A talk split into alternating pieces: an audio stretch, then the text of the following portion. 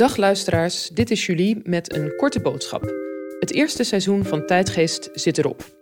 Maar er komt een tweede seizoen, dus blijf geabonneerd en dan hoor je over een paar maanden weer van me over nieuwe, vreemde ideeën uit het verleden.